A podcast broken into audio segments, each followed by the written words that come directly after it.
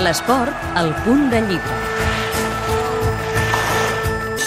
Segurament el nom de Julio Rodríguez no deu dir gran cosa per la majoria, però és molt especial per a un dels porters del Barça, pel xilè Claudio Bravo.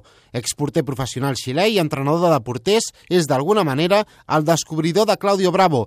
La carrera de l'actual porter del Barça segurament no hauria estat la mateixa sense la seva influència. A Atajando Sueños, història de Claudio Bravo, Julio Rodríguez deixa escrita la seva història amb el porter del Barça, a qui va conèixer quan només tenia 11 anys, i el Colo-Colo, un dels clubs més importants de Xile, va fitxar un nen que de gran volia ser porter. El libro comienza con una historia bien curiosa que ocurrió con su técnico, don Jorge Toro, cuando Claudio jugaba por la sub-17. Y después de perder una final, le dijo, perdimos por tu culpa.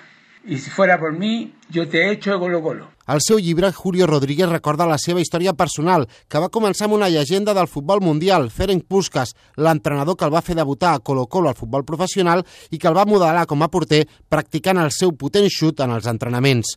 Un cop va retirar-se de la porteria, Rodríguez va decidir fer-se entrenador de porters. Va ser un pioner al seu país, també a Sud-amèrica, i va aprendre d'un dels precursors d'aquest ofici, que té molta relació amb el Barça i que també ha estat clau en la carrera de Bravo. Después mi relación con Franz Hook y cómo de una u otra manera él influyó en la formación de Claudio. Cómo y por qué llega a Colo Colo Claudio Bravo a la edad de 11, 12 años. Toda su etapa formativa, perseverancia, su sacrificio, sus ansias por llegar a ser alguien. Atajando Sueños de moment només s'ha editat a Xile, però el seu autor està intentant convèncer l'editorial perquè faci una edició que arribi a Catalunya aprofitant el bon moment del seu deixeble al Barça.